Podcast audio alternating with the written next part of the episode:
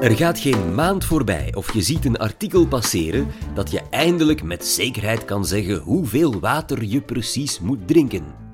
Alleen verschillen die waarheden van elkaar, hoe zeker van hun stuk ze ook elke keer zijn. Hoog tijd voor wetenschap en nierspecialist Bart de Moor. Moet je echt 2 liter water per dag drinken?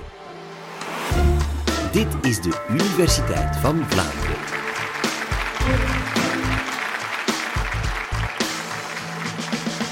Twee liter water drinken, dat staat in alle gezondheidsadviezen. Nu, je moet het een beetje nuanceren. Met water bedoelen we eigenlijk de totale vochtopname.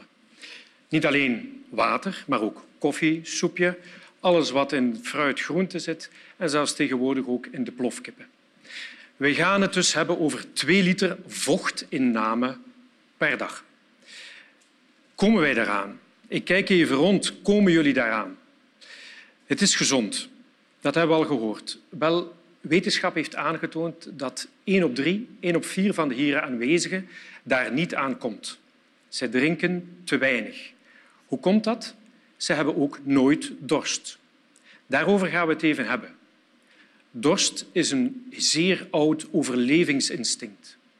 340 miljoen jaar geleden, toen wij dan als amfibie uit de zee het land opkropen, was de zon onze grootste vijand, uitdroging. Wat wil dat zeggen, uitdroging? Ga even mee met mij naar de Dode Zee. Dat is eigenlijk een meer. Heel veel water is eruit verdampt en je hebt een hoge concentratie aan minerale zouten. Stel nu dat daar een bacterie toch in die dode zee belandt. In zijn celwand heeft hij een bepaalde concentratie.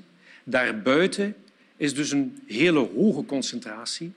En die cel gaat onderworpen worden aan de osmotische krachten. Wat wil dat zeggen? Je hebt een dun vlies, de celmembraan.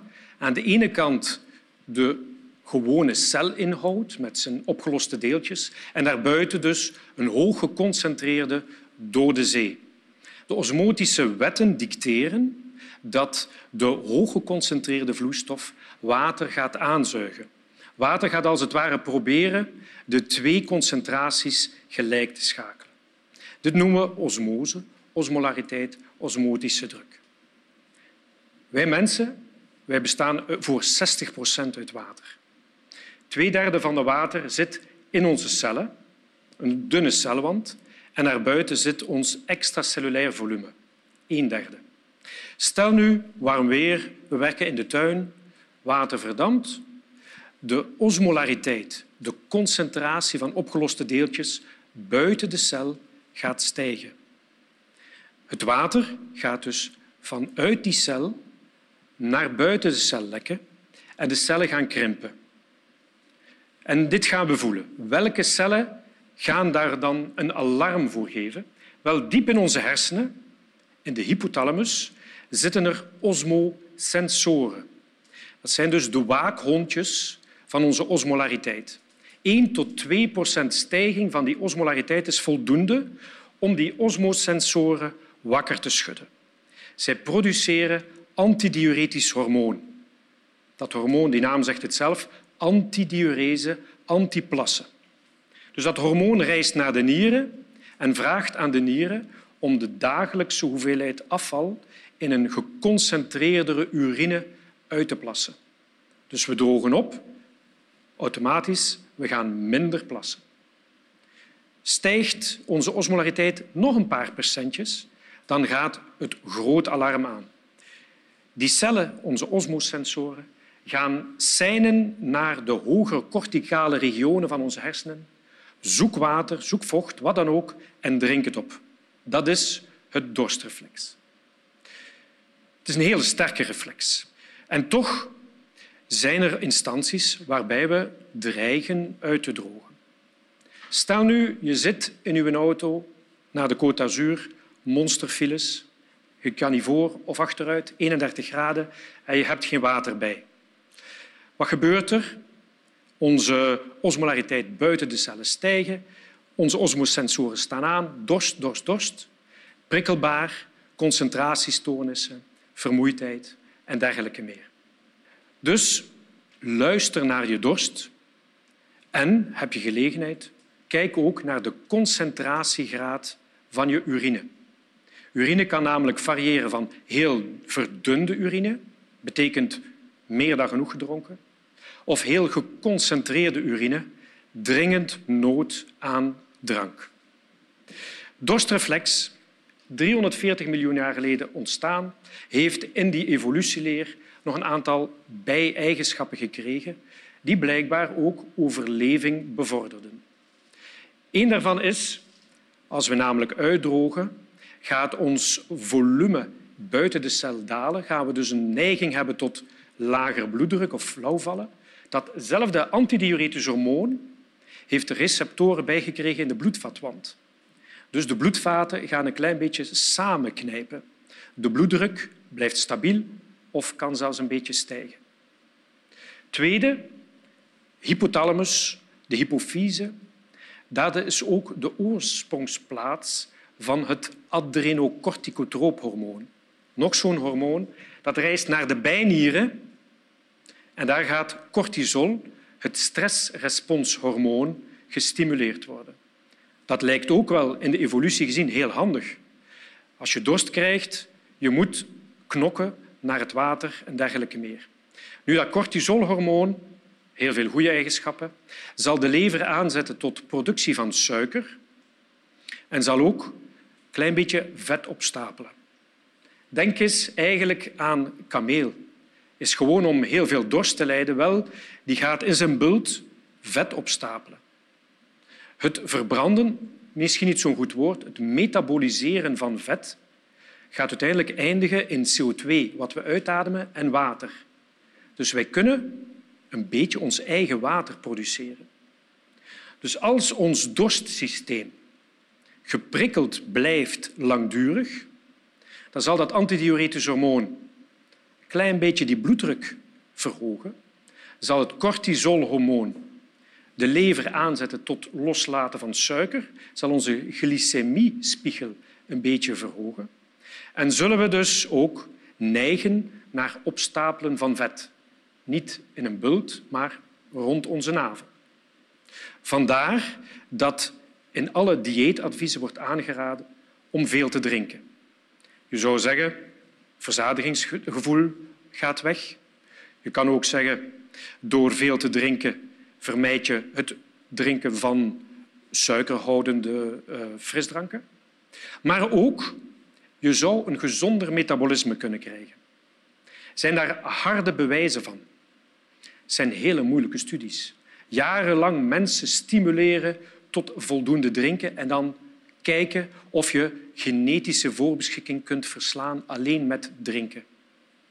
Voorlopig geen bewijzen. Dus op dit moment raden wij enkel aan om extra veel te drinken bij mensen met nierstenen of frequente blaasinfecties. En voor alle anderen, drink genoeg, kom minstens aan die twee liter, luister naar je dorst en kijk naar de kleur, de concentratiegraad van je urine. Kunnen we te weinig drinken? Dat heb ik aangehaald. Kunnen we te veel drinken? Ook dat kan. Vrij moeilijk. Wij moeten dan bepaalde situaties creëren. Stel nu dat je heel weinig eet. De nier heeft weinig afval om te plassen, gaat dan ook minder neiging hebben om te plassen. En dan ga je een keer extra veel drinken. Maar dan heb ik het over vijf liter, tien liter per dag. Die nier gaat dus al die hoeveelheid niet kunnen uitplassen en per liter blijft er een halve liter achter. Dus nu gebeurt het omgekeerde. De concentratie buiten de cel, de osmolariteit buiten de cel daalt. In de cel blijft die nog een tijdje constant. Maar water gaat dus verhuizen van buiten naar binnen de cellen. Al die cellen gaan zwellen. En er is één probleem. De hersenpan. Hersenen gaan zwellen, maar kunnen niet door die hersenpan. Dat geeft dus ook weer die typische klachten van mensen die te veel drinken. Sufheid, moeilijke gang.